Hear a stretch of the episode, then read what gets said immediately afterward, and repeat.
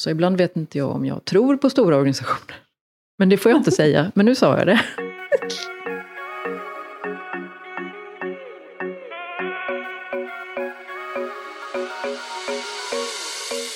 Hej och välkommen till Agile by Design, en podcast från en Friends som handlar om den ständiga förändringen vi lever i just nu och hur den påverkar oss.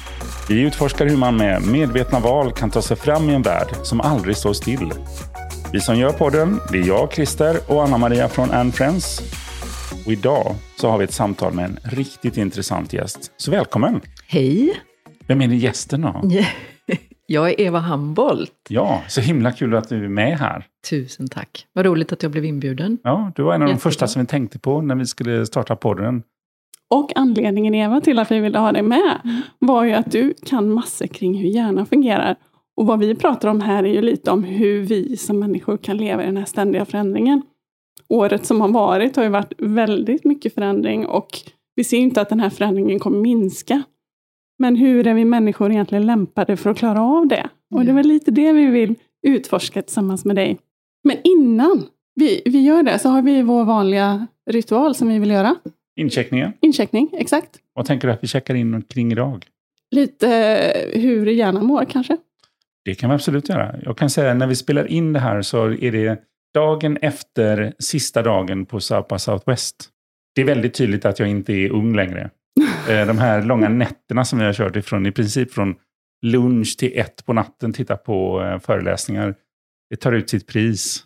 Min hjärna är seg, ska jag säga. Den sista föreläsningen tittar jag halvvägs in och så kommer jag på, jag tar inte in någonting den här personen säger. Det är skitbra, men jag tar inte in någonting. Ja, men jag kan checka in med lite samma, för jag har ju också lyssnat på massor med föreläsningar. Och det är lite information overload, men samtidigt så har man så mycket aha-upplevelser så att ja, man behöver bearbeta dem. Man får ju några som bara kommer från direkt, men oftast är ju de gottigaste de som kommer när man liksom tänker tillbaka och har helheten med sig. Ja, man kan säga bara för att förklara. Vi har alltså tittat i fem dagar, ungefär tio timmar per dag, ungefär. Ja, men det är galet. Förjädra mycket, men roligt. Men roligt. Eva, vad checkar du in med då? Jag checkar in med en lite nyvaken hjärna.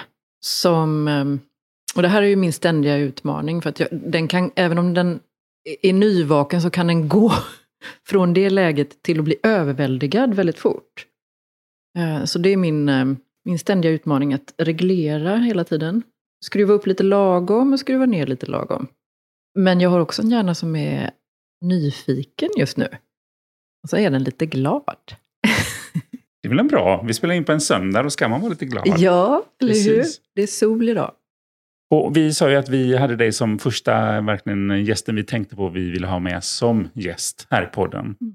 Men vem är du? Oj, det är den svåraste frågan jag kan få. jag är så dålig på att berätta vem jag är, men jag är Eva. Jag är född och uppvuxen i Göteborg. Och göteborgare i hjärtat, men jag har bott i Stockholm sedan jag var 16 år. Vilket gör att jag är stockholmare rent så här, geografiskt mycket mer än vad jag är göteborgare. Jag är... Ehm, I mitt yrke är jag organisationskonsult och jobbar väldigt mycket utifrån det som jag har valt att specialisera mig inom, nämligen neuro, ett neurovetenskapligt perspektiv på ledarskap och organisatorisk utveckling. Sammanfattningsvis neuroledarskap. Så det gör jag till vardags i form av att jag utbildar, att jag eh, konsultar, att jag föreläser, att jag coachar eh, chefer och medarbetare. För att bättre förstå sig själva utifrån vad det är som händer i deras hjärnor. Och sen kunna hitta strategier för att behandla sina hjärnor så väl som möjligt, vara snälla mot sina hjärnor och utmana sina hjärnor så att det inte blir för läskigt att utmana sig själv. Mm. Så det gör jag. Sen som människa är jag väldigt, eh, ja, som jag checkar in, väldigt nyfiken. Eh, och glad. Jag tror att jag har ett grundtillstånd som faktiskt glad. Ja, det är så jag känner dig. Ja, vad härligt. Ja. Vad bra. Då fick jag en spegling på min egen självbild. Det var skönt. Mm. det känns tryggt. Neuroledarskap Ja. och hur hjärnan fungerar. Mm. Jag tycker det här är så jäkla spännande.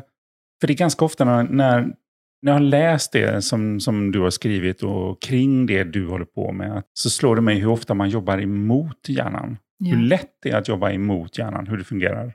Ja, vi har ju inte vetat så mycket eh, om hjärnan, den mänskliga hjärnan, på riktigt förrän de senaste 10-20 åren.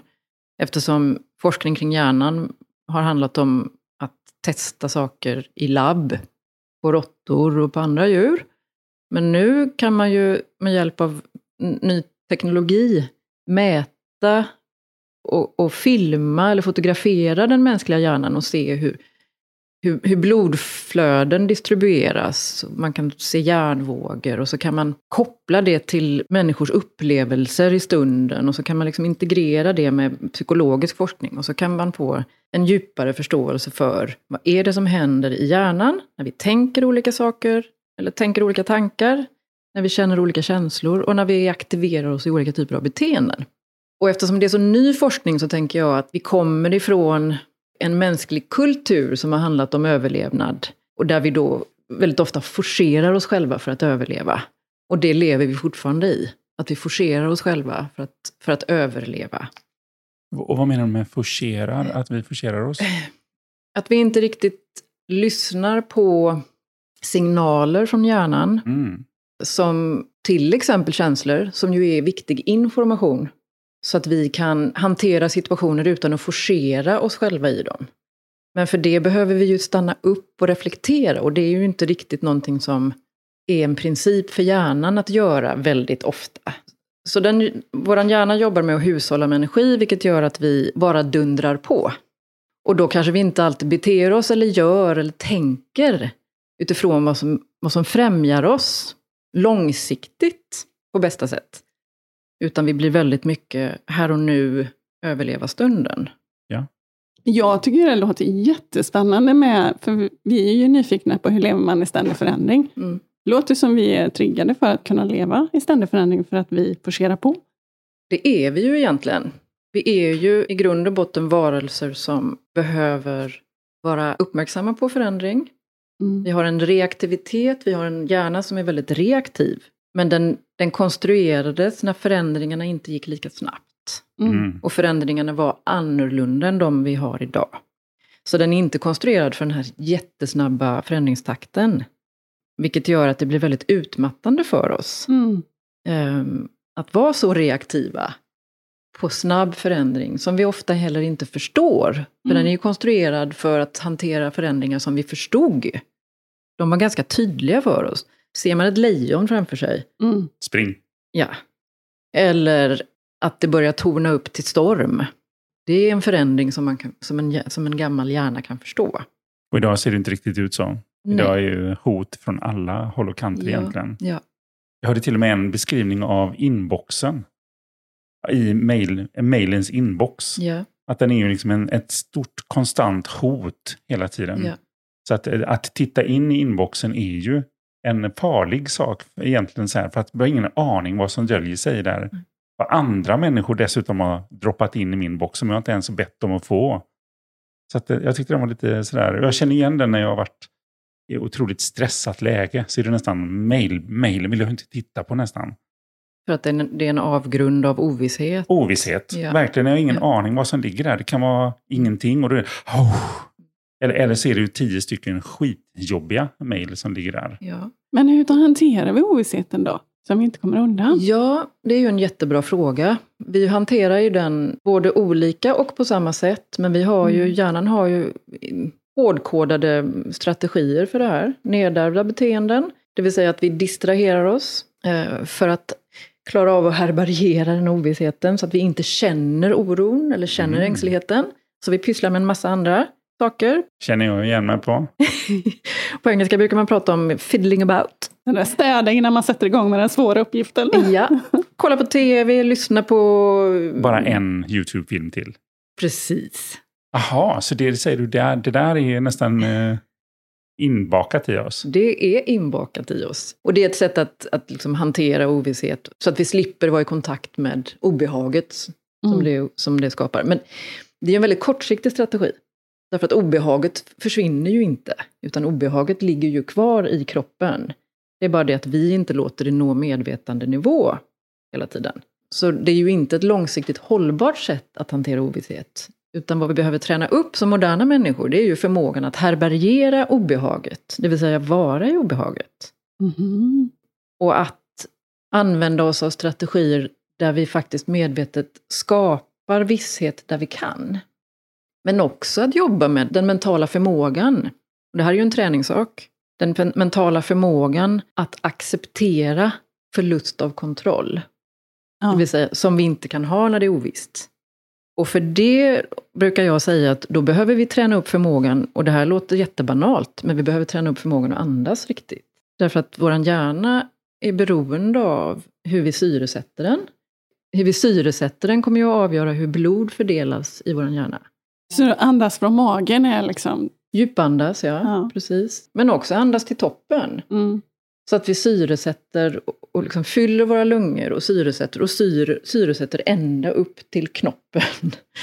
För då får vi kontakt med den delen av hjärnan som ju är den lite mer långsamma, den som inte är den här reaktiva delen av hjärnan. Och då kan vi göra mycket mer medvetna val, reflektera och resonera kring, kring förändringen eller ovissheten. Och vi kan också utöva impulskontroll, det vill säga vi kan härbärgera obehag. Och då kan vi också ta hjälp av varann, därför att när vi syresätter pannloben, då är vi också mycket mer benägna att kunna, eller har en bättre förmåga att kunna relatera till andra människor. Mm. För det är ju andra människor vi också behöver för att härbärgera ovisshet. Därför att ovisshet, det vi glömmer ofta är ju att det hotfulla i ovisshet är ju också väldigt mycket sociala hot. Det vill säga, vad ska andra människor göra? Absolut. de här mejlen som du inte vill, eller din mejlinbox som du inte vill titta i.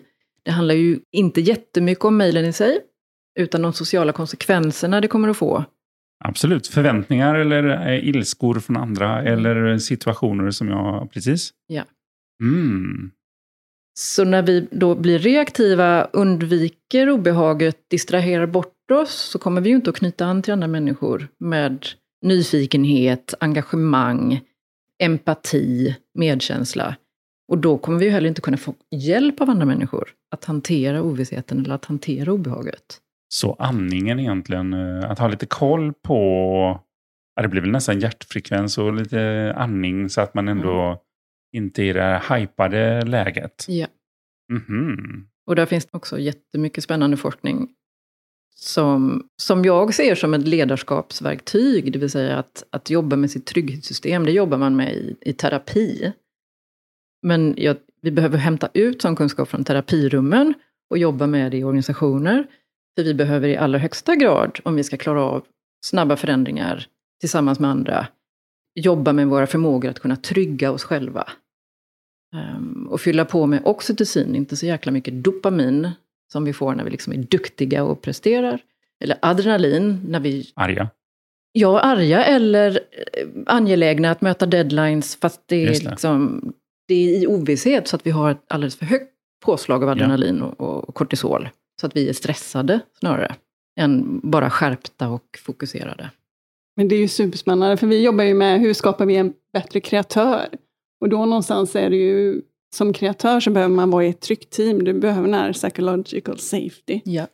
för att kunna prestera och faktiskt skapa saker som, som ligger lite utanför boxen. Att våga ta sig ut Ja. på områden där man inte står helt säker.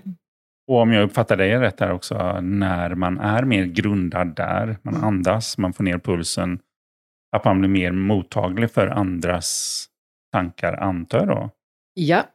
Det är ju en annan förmåga som vi kan väcka till liv eller som vi kan utöva eller eh, praktisera när vi är, lugnare. Det är perspektivtagande.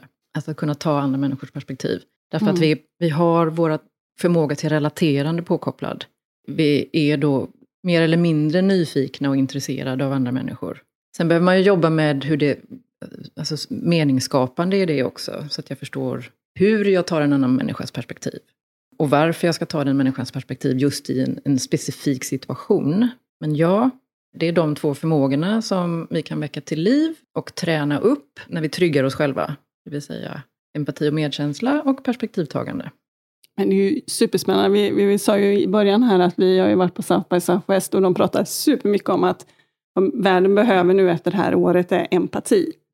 Men samtidigt i den världen vi lever, där det händer så himla mycket, Mm. att någonstans motarbetas den möjligheten då, genom bara all den här förändringen som sker. Ja. För folk är inte mottagliga. Nej.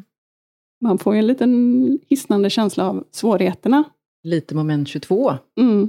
kan man tycka. Men hjärnan behöver stå still för att klara av att hänga med i snabbhet. Så den är ju också Mm. motstridig. Ja, ja. Men jag tänker även, alltså vi börjar ju här idag med ritualen som vi har. Jag gillar ordet, men jag vet att många andra får nästan panik när man använder ordet ritual. Mm. Jag tror det är för man lägger lite eh, religiös Ah, okej. eh, laddning vid det. Men olika ritualer. Men här låter det som reflektionen, få ner pulsen, få ner andningen. Det krävs nästan att vi kommer överens i ett team, att vi har lite olika ritualer på något sätt. Vi gillar ju den här incheckning, utcheckning och reflektion också, att stanna upp. Men det är ju inte alltid man har de överenskommelserna, att det ens är okej. Alltså, eh, jag har ju varit med i grupper som har sagt att eh, liksom, ja, men det var skönt att vi gjorde en incheckning, men nu måste vi börja jobba. Men så är det, ah, det förtog allting här nu när du sa det, Mm. som ledare. Ja, det väcker så många Mm. tankar på samma gång det du säger. För dels handlar det ju om eh, filosofin om tid. Mm. Och vi har ju en inbyggd bias i vår hjärna kring att vi, att vi gärna liksom vill, vara, vi vill vara snabba. Eh, Och den matas ju på och har stärkts i det arbetsklimat som vi lever i, som, som ju i mångt och mycket är ett arv från industrialismen, det vill säga löpande bandprincipen. Ja. Och vad vi har tid med och inte tid med. Och allt socialt har vi ju inte tid med. Det tar bara tid. Och så är det ju tvärtom då för hjärnan, det vill säga om vi kan skapa visshet i det sociala samspelet genom att få lite koll på varandra och Mm. varandras tillstånd, då har vi ju tjänat jättemycket tid sen när vi börjar jobba. Därför att då kommer ju hjärnan att klara av att vara fokuserad på arbetsuppgift, intention, alltså den prefrontala eh, förmågan. Annars kommer vi ju hålla på och felsöka på det sociala. Vi blir undermedvetet eller medvetet ängsliga och, och då, då riktar hjärnan fokus på att ta hand om det. Mm. Och Mm. förstå vad 17, hur är det med Christer egentligen? Och vem är jag i den här gruppen? Och sa jag för mycket, sa jag för lite, sa jag fel, sa jag rätt? Sen tänker jag att den här, en incheckning, rent neurologiskt också, hjälper oss att lugna oss kollektivt. Därför att när vi sätter ord på saker, då konkretiserar vi saker. Och bara det gör att en hjärna blir lugnare. Om jag får dela med mig av mitt känslotillstånd, Mm. då aktiveras en, en funktion i hjärnan som, som är som en, en broms egentligen. Kanske inte dra i nödbromsen eller handbromsen, men ändå liksom trycka lite på bromspedalen, som gör att vi inte blir lika stressade av en social situation, eller li, lika påverkade, känslomässigt påverkade av en social situation. För den, den bromsen gör att den funktion i hjärnan som hanterar känslolägen blir lite, liksom, eh, lutar sig Mm. tillbaka lite. Mm. Okej, det är lugnt läge, jag behöver inte ha koll nu. Jag behöver inte larma. Så det finns en direkt biologisk aspekt av en incheckning. Jag har ju hört den när vi föreläser för studenter till exempel. När vi har dem, träffar dem första veckan på skolan. De är ju så nervösa. Mm. Och de vill visa den absolut bästa sidan av sig själva. När man tar de här diskussionerna med incheckning varje morgon, verkligen dela med, börja, börja tillåta lite att man delar med sig. Bara en, det är jättevanligt att det kommer en kommentar som är, men det här var inte vad jag förväntade mig. Men så härligt och jag vet ju mer om den här klassen än jag vet om mina kompisar efter fem dagar. Och det är lite tragiskt kan jag tycka. Men samtidigt väldigt varmt och härligt. Ja, precis. Och jag vill ju, skulle vilja att fler organisationer jobbar så också. Och att man tar sig den tiden och att inte det är, vad sa du, den här eh, effektivitet och eh, det sociala, att det faktiskt finns en vits med det. Det är ett förarbete som hjärnan behöver göra Ja. för att kunna fokusera på uppgift. Så det, och förhoppningsvis, ju mer, ju mer den här kunskapen sprids om de biologiska aspekterna av vad som händer i hjärnan när vi faktiskt tar hand om det sociala. Mm. För, jag, för jag tycker det är spännande, för du pratar ju om att när man har en ny grupp, att man sätter det. Men jag vet att vi andra, eller jag hade ett team som hade jobbat tillsammans i flera år. Där vi började med incheckningar och de bara, varför då? Vi känner varandra eller Men någonstans också kom den här efter att ha faktiskt orkat göra det systematiskt i några veckor. Att gud, jag lärde känna de här människorna på ett Mhm. sätt nu som jag inte gjort under alla dessa år innan. Att det faktiskt kan även appliceras på en befintlig team. Absolut. Så, så det är ju aldrig för sent att börja. Det är det som jag tycker är lite härligt. Nej, men jag tänker att det handlar ju inte bara om att lära känna varandra, precis som du säger. Utan det handlar om att för hjärnan behöver ju, behöver ju hjälp med transitionen från ett sammanhang till ett Mm. annat sammanhang. För att kunna skifta. Annars hänger den inte med. Och om vi nu då går från möte till möte till möte till möte och aldrig ger hjärnan någon bro över som hedrar att jag lämnar ett sammanhang och går in i ett nytt sammanhang, så blir vi ju totalt överväldigade till slut. Och kan inte riktigt mötas heller då, därför att då hänger vi ju kvar i det förra mötet. Ja. Och det är en helt ny grupp människor som jag har framför mig nu. Och nu med de här teamsmötena back to back där man inte ens har en paus emellan. Man bara tänker, vad händer? Då kan vi ge ett gott exempel. Vi har en kund som när vi bokade ett entimmas möte där vi fick svaret tillbaka med ett litet leende från vår kund. Christer, du menar väl 45 minuter? Ehm, nej, jag menar en timme. Fast du menar 45 minuter, va? och, och poängen där som kom var att deras vd hade gått ut med ett verkligen dekret till hela den här stora organisationen. Och bara bestämt att eh, vi, när vi bokar en timmas möte så får de vara max 45 minuter långa. För ni ska ha en kvart emellan för att ställa om. Klokt. Visst är det häftigt? Och det här är ett jättestort företag i Sverige. Som är 45 minuter, det får inte vara mer. Så att om jag loggar in efter 46 minuter så vill jag inte se någon kvar på mötet. Visst är det, jag blir så här, åh, Mm. Klok vd. Föredömligt. F- Ja. Klok vd. Föredömlig vd. Mm. Jag, det var ju så att jag lyssnade på dig för första gången för sex år sedan och gick ifrån det, den föreläsningen med en sån här ha-upplevelse. Och det som jag tog med mig då var ju väldigt mycket kring hur man som ledare, vad är det som gör att ens eh, medarbetare mår bra på jobbet? Och då eh, tog du upp det här med, eh, och nu vet inte jag om jag tolkar det här fel, men det var liksom det som jag har, liksom, hade jag legat i bakhuvudet ända sedan dess. var just det här med, ja, som människa behöver man veta vad jag ska göra idag. Sen behöver jag veta vad jag ska göra inom närmsta, ja, en vecka kanske. Och sen behöver jag ha lite längre framförhållning, kanske en månad i alla fall, för att liksom, ha, känna att jag har kontroll. För att liksom kunna känna att mm, men jag är med på vad som ska hända och jag kan slappna av då. Så att jag kan fokusera på jobbet och inte ha för många tankar som irrar och som inte kanske blir så konstruktiva. Stämmer det här, den tolkningen jag hade? Att det, det, det är så man som människa mår bra? Ja, det handlar om att ge hjärnan det den behöver i form av förutsägbarhet.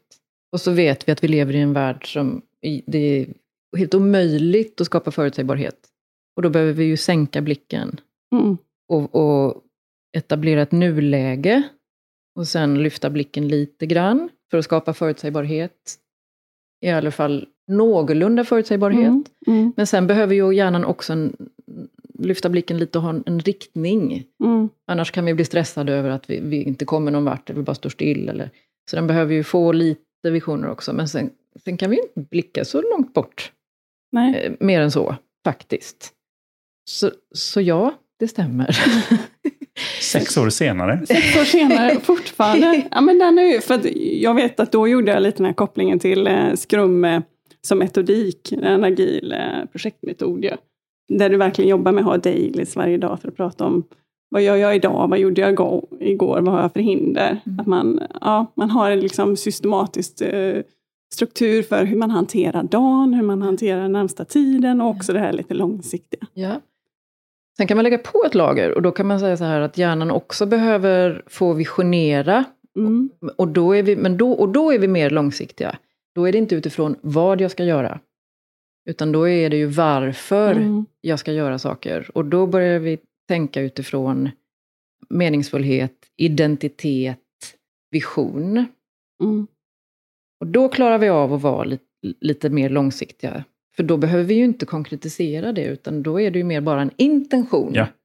över tid. Mm. Men för att klara av att hålla den riktningen så behöver vi sen tillbaka till en närtid för att ta de här små, små eh, versionerna som ni kallar det. Mm. Små Ja, men det- stegen. jag står och Ja. ler när du berättar det här, för det är ju verkligen var vi står just nu. Mm, Det är versionen vi är i. mm, Den är lite högre blick dit vi är på väg. Vi tror vad kan vara nästa version. Mm.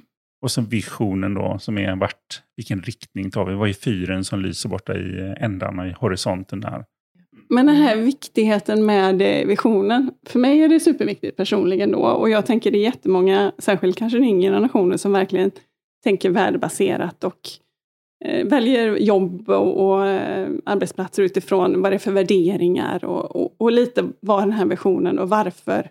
Vad tror du om framtidens företagande med den här värdebaserade? Vad händer om man inte lever upp till värderingarna? Eller? Oj, vilken svår fråga. Och bra fråga. Jag kände att det blir ingen fullfråga på den.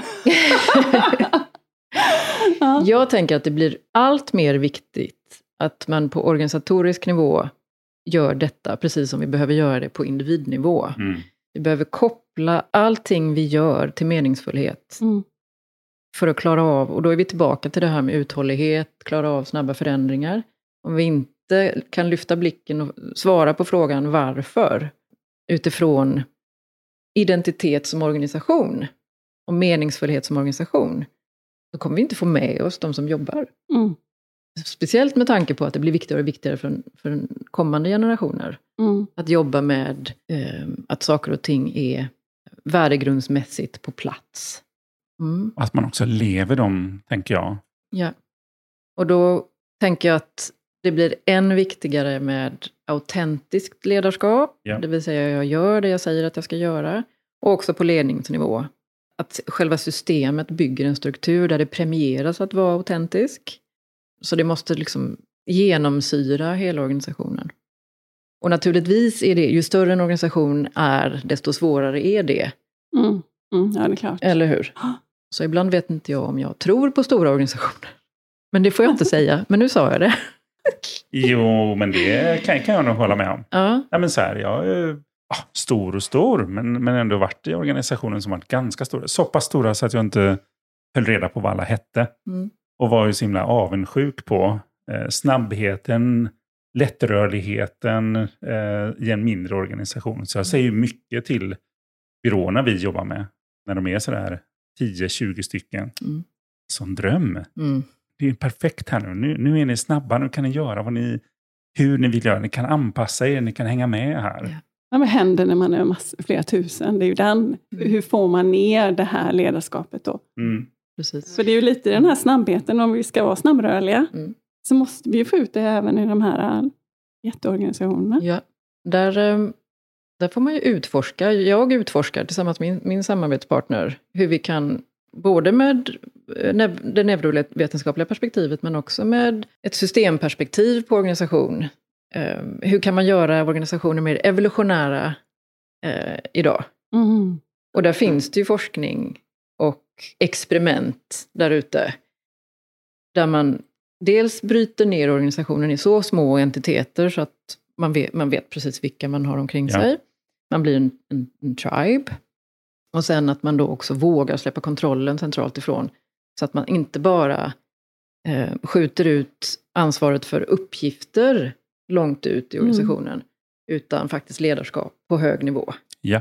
beslutsmässigt och mandatmässigt. Men det kräver lite djärvhet. Ja, det Eh, kräver det kräver mod, känner jag. Mm. Att våga släppa och våga lita på människorna där nere. Att Mm. vi har en så tydlig vision och vi har anställt rätt människor som verkligen är rätt för att ta det här. Mm. Och att man lyfter hela tiden de människorna så fort de gör någonting som är rätt där. Mm. Mm. Mm. Och hur skapar man sådana ledare då? Som vågar släppa så? Mm. Jag får väl kanske utgå ifrån hur jag jobbar med ledarskapet då. Mm. Det är att dels träna upp förmågan till ökad medvetenhet om saker. Det är att träna upp förmågor som handlar om eh, reglering av känslor och eh, tankar och eh, beteenden. Hitta balans mellan den reaktiva delen av hjärnan och den mer långsamma eftertänksamma delen av hjärnan. I alla beslut jag tar som ledare. För att vi har ju en, en tendens att vara väldigt biased. Alltså att ta mentala genvägar. Mm. Och de ligger till grund för väldigt mycket eh, cementering av det gamla. Och det är lurigt, därför att det är väldigt svårt att komma på sin egen hjärna. Så där behöver vi verkligen, där brukar jag prata om att vi behöver, för det första så behöver vi alla acceptera och normalisera det faktum att vi alla har en, en hjärna som gärna... Underbart. En hjärna som hjärna. En hjärna, I love it. en hjärna som primärt kör på de snabba mentala genvägarna. Och i värsta fall så blir det fördomar av det. Och sen behöver vi i det personliga ledarskapet inventera och försöka rannsaka sig själv, ta hjälp av andra för att förstå, okej, när är det jag tänker lite för snabbt eller dömande eller fördomsfullt eller tänker kring tid på ett sätt som inte är förankrat i verkligheten och så vidare. Mm. Och sen på organisatorisk nivå så behöver man definitivt sluta förbjuda att vi har fördomar och snarare hitta strategier för, i beslutsfattande och i arbetsprocesser mellan människor. Hitta strategier för att minimera risken för att de här tankesprången vi gör skapar allt för negativa konsekvenser. För vi kommer aldrig att bli perfekta. Vi kan bara jobba med det vi har. Men vi kan jobba med det medvetet och på något vis ödmjukt och icke-dömande. För då kan vi ta oss framåt. Du pratar om det här med eh, det är svårt att se sin egen, sin egen bias. Finns det något svenskt ord på det? Jag brukar säga mentala genvägar. Mentala genvägar. Ja. Fint ord, jag gillar det. Men jag tänker att feedback är ju en jätteviktig del. Att man, också att jag tar emot feedback i så fall. Ja, Jag Ja. vet ju några gånger som jag har fått feedback som har verkligen hjälpt mig. Ja. Som när jag vet att jag har varit väldigt reaktiv mm, och tagit ganska hårda, eh, reagerat ganska hårt på saker. mm, När jag har fått feedback sen efteråt att liksom, mm, du är med på att du brukar göra så här när du blir stressad va? Shit, det är ju inte bra. Mm. Eh, som är ju fantastisk feedback att få. Som Mm. gör att jag nu försöker ändå ta, eller fråga någon annan, hur kan det här uppfattas? Mm. Nej, men där kommer ju de trygga relationerna in, det trygga arbetsklimatet. Därför att det går ju inte om jag inte är trygg med den som levererar det budskapet. Absolut. Mm. Absolut. Så då behöver ju ledare i organisationer ska, skapa den kulturen som gör att vi inte tar det personligt eller som en attack när någon faktiskt vågar spegla mina beteenden. Utan du kan ta det som en, ja, Mm. okej, det märkte inte jag själv. Vad bra att du, att du Mm. vågar säga det till mig. För det kommer ju att främja både mig och sammanhanget, organisationen, om jag kan skifta till alternativa beteenden när jag blir stressad. Men först behöver du bli medveten om det. Så att trygga arbetsklimat, de kan ju helt plötsligt utgöra så här sociala supportsystem. Mm. Där vi lär av varann. Ja, och hur ska man göra det som ledare? Jo, då behöver man ju vara där själv från början egentligen.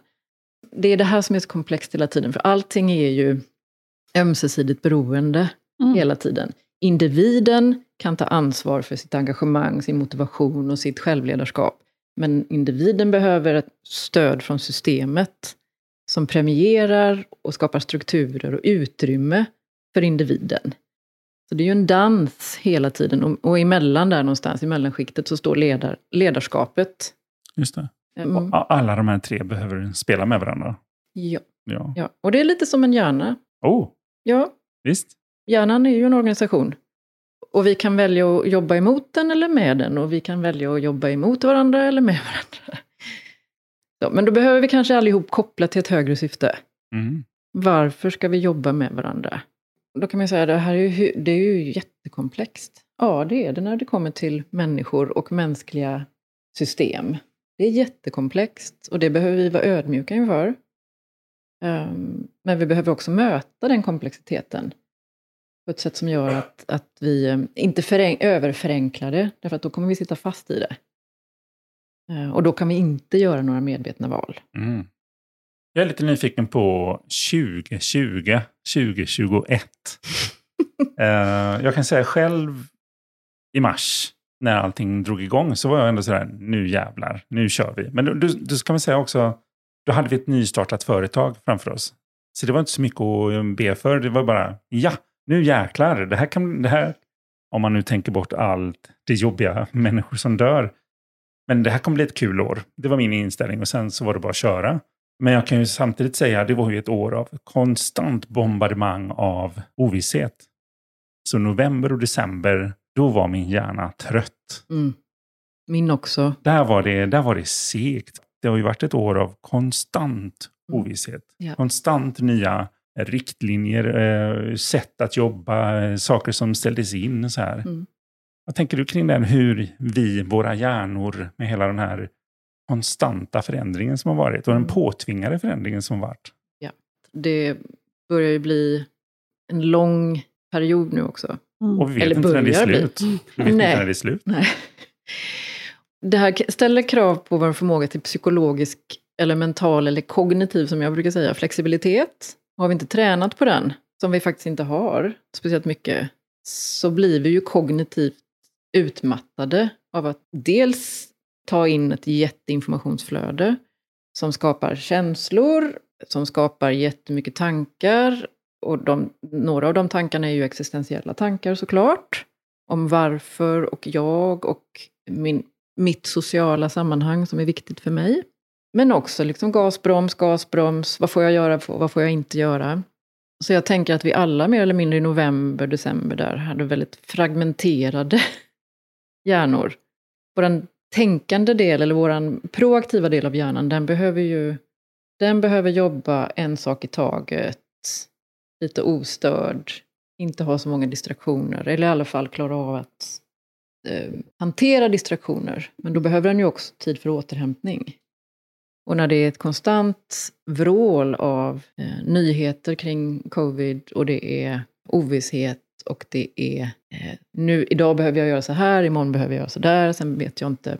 Då har vi ju multitaskat ganska länge. Verkligen. Ja, det, känns som en, det känns verkligen som ett eh, experimentår i, eh, i huvudena på Ja, oss. ja, Och sällan har väl en julledighet varit så härlig.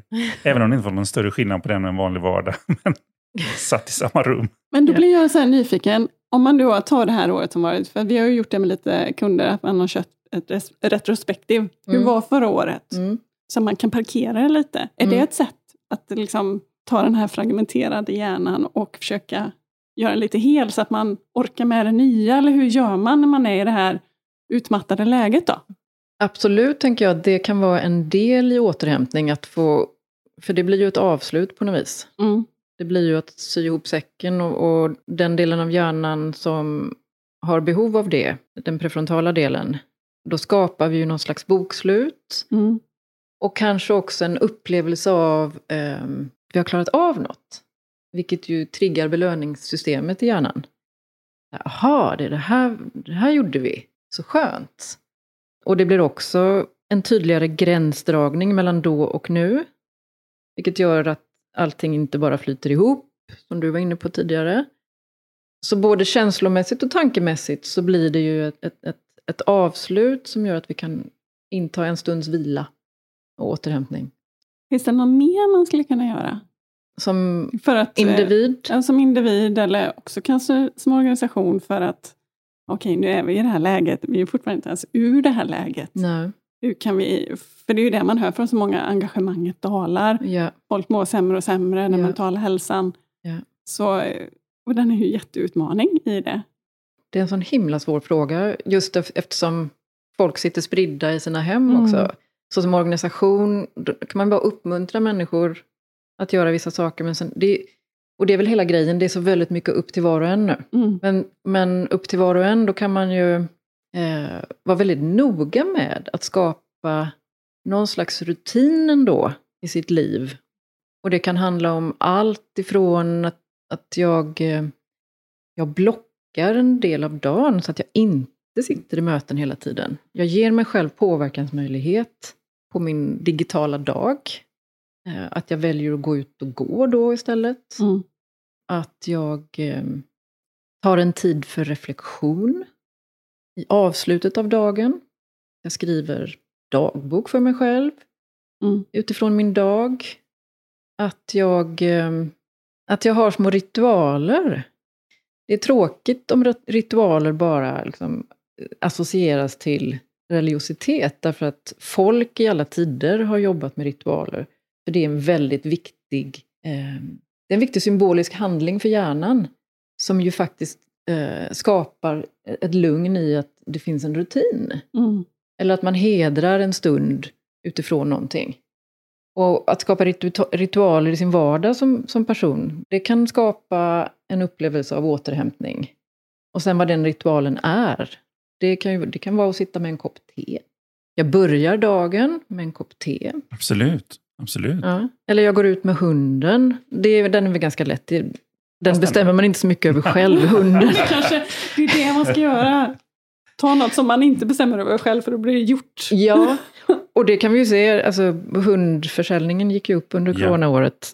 Hund- Hundar och gitarrer. Hundar och gitarrer. Ja, Och mjukisbrallor. ja, Ja, så, ja, så folk tar väl hand om sig lite då, hoppas jag. Eh, sen kan det ju vara överväldigande att få in en valp i sitt liv också. Eh, men eh, då får man åtminstone någonting annat att jobba med än bara sitta framför datorn. Men du sa någonting Mm. där att man ändå eh, stannar upp och, jag tror inte det var exakt så du sa, men ger sig lite beröm. Det, det har jag tänkt på under året som har gått, att verkligen jag och min fru, så här, man stannar upp och bara, shit, vi har fasken tagit oss igenom det här. Mm. Det här är helt grymt. Mm. Jäklar vad grymt vi har jobbat här i en Mm. liten lägenhet i tre månader. Mm. Och vi fixade det. Ja. Båda var sjuka. Ja. Vi fixade det. Ja. För är, det, är det någonting som ger energi för hjärnan så är det ju uppskattning. Egen uppskattning eller uppskattning från andra. Så att fira de små grejerna, att, jag faktiskt, att vi har klarat av det här, det är en jättebra aspekt. Nästan ännu mer nu, känner jag. Ja, för att vi har ju också en hjärna som, den har ju mer uppmärksamhet på saker som är negativa. Den har ju fem gånger fler nervbanor för negativa upplevelser, eller hot. Så vi har en sensitivitet eh, utifrån det, eh, naturligtvis.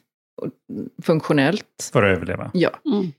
Men om vi då matas med hot hela dagarna så är det ju det, det är väldigt svårt att rikta blicken mot mer belöningar. Så vi behöver kanske till mans jobba väldigt aktivt, medvetet med det. Och tacksamhet. Uppskattning och tacksamhet. Det är superbra vaccin. Eh, Eller motgift mot stress och eh, alla andra typer av negativa känslor. Och det tänker jag då som ledare, som teamledare eller även teammedlem egentligen. Mm. Att tänka på den. Uppskattning och vad den... Tacksamhet. tacksamhet och uppskattning. Mm. Det känner jag, det, det är ju... ehm, jag har ett citat från Gordon Ramsay som säger “Smile, it's for free in fucking Scotland”. Liksom, och det är väl lite samma sätt, det kostar ingenting att ge beröm. Det Nej. kostar ingenting att uttrycka tacksamhet. Vi kanske inte är så vana att göra det. Nej. Vi Men kanske det inte sätter så ofta i Hell's Kitchen heller. Nej, om, om vi ska vara ärliga. Precis. Men, Okej. men, precis. men ändå, ändå så här, att bara göra det liksom hela tiden. Näst, Ja. Nästan så där så att det är på gränsen att det känns som att det är lite för ofta. Så länge det görs från hjärtat och är ärligt menat. Ja, jag tror, all, jag tror vi kan inte få för mycket av det. Nej. Och där tänker jag att tacksamhet är någonting som vi behöver träna på, därför att det kommer ju lite mer från djupet. Jag har ju behövt tänka till vad jag är tacksam för. Och då i den processen så hjälper vi ju då hjärnan också att skifta fokus från negativt tänkande eller fokus på hot, eh, ältande eller mm, allt annat som vi kan hamna i en låsning i det negativa. Till att faktiskt öppna upp för att se vad är jag tacksam för? Vad är jag tacksam för i relation till dig? Där blir vi ju lite mer konkreta. Mm. Och, och det är ju ofta det man säger om, om uppskattning och positiv feedback, att det är lite, det är lite trixigt för att det oftare inte blir konkret. Och då tror man inte på det, utan då är det, äh, du säger det för att vara snäll, eller eh, för att jag ska jobba hårdare, eller Vad är det du vill? ja, vad vill du? Har vi inte kanske det klimatet man vill ha när, om man går in med den grundkänslan. Nej. Men, ja. Nej, precis. Och det är ju det som är så spännande och det är det som är så svårt. Mm. Vill jag inte vara negativ, men vi har ju på grund av den här obalansen i nervkretsar kring hot och belöning i hjärnan, så är vi ju ständigt misstänksamma om, vi Mm. inte, känner, om vi inte har lyckats etablera 100% i tillit. Och den är så skör också, så vi behöver ju inte bara förvalta, vi behöver ju förnya den tilliten varje dag. Eh, I form av konkret uppskattning, i tacksamhet, i nyfikenhet på varandra, Mm. i att visa empatisk hållning, visa medkänsla, eh, support. Allt det här som förstärker och förstärker och förstärker det faktum att jag är din vän, jag är inte din fiende. Du kan lita på mig, jag vill dig väl. Jag är en, en belöning för dig. Eller din hjärna. Och jag bara tänkte innan vi avslutar det här så brukar vi ha lite så här tipsrunda. Där vi liksom hänvisar våra lyssnare till eh, om man vill kolla upp lite extra. Finns det några tips du vill skicka med dig till lyssnare på att om ni är nyfikna på det här, gå in och kolla in eh, den här sajten eller den här metoden eller eh, Ja. Nej, men om det är någon som blir nyfiken på det här perspektivet så kan de gå in på neuroledarskapipraktiken.se. Där finns mer info om, ehm, ja, både i, i bloggform och i eh, caseform och vad, vad vi erbjuder. Toppen. Mm. Och mi- mitt tips är ju faktiskt från din sajt. Ja, Men det är ju SCARF-metoden. ja Som eh, man, jag tycker egentligen alla ledare, egentligen alla, borde läsa för att förstå lite mer, lite mer kring hjärnan och egentligen hur den fungerar och hur vi kan agera emot, gentemot varandra. Ja. Den finns ju på sajten. Den finns på sajten, precis. SCARF-modellen. Ett teoretiskt ramverk som beskriver sociala hot och belöningar. Okej, vi börjar med incheckning. Ska Mm. vi köra en eh, utcheckning? ja det tycker jag. Vad checkar vi ut med idag, Anna-Maria? Vad checkar du ut med? Nej, men jag checkar ut med vikten av tillit. Att det är, det är grunden till så himla mycket för att det ska kunna bli bra. För att man ska må bra, för att ens omgivning ska må bra och för att man också ska kunna leverera och kreera riktigt bra lösningar på problem. Och jag tar tacksamhet och beröm som du pratar om. Mm. Vikten av det för våra hjärnor för att vi ska röra oss framåt. Det är ju två saker jag gillar, men eh, det är verkligen eh, mm, ska jag tänka ännu mer på. Sen blir jag ännu mer nyfiken på det du jobbar med också, så jag får nog läsa lite mer där och få lite boktips av dig sen. Mm, det ska du få. Och jag checkar ut med också tusen tack för inbjudan. Tusen tack för ett fint samtal. Ehm, jag lär mig ju varje gång jag pratar om det här. Och ni tillförde lärande för mig. Ja. Och så, jo, jag skulle vilja checka ut med också mm, en önskan om att framtidens organisation ställer om från prestation till relation. Ja! Det citatet ska vi ha med. Det får ju vara namnet på dagens avsnitt. Där har vi det. Mm. Och, ja, jag ska inte ställa motfrågor på den. Det blir nästa avsnitt. ja. En sån Ja. fantastisk cliffhanger till nästa gång vi ses. ja, vad roligt. Åh, Ja, det måste vi göra tar nu. jag som en, Ja. tar jag som en inbjudan då. Ja. Åh, vad kul.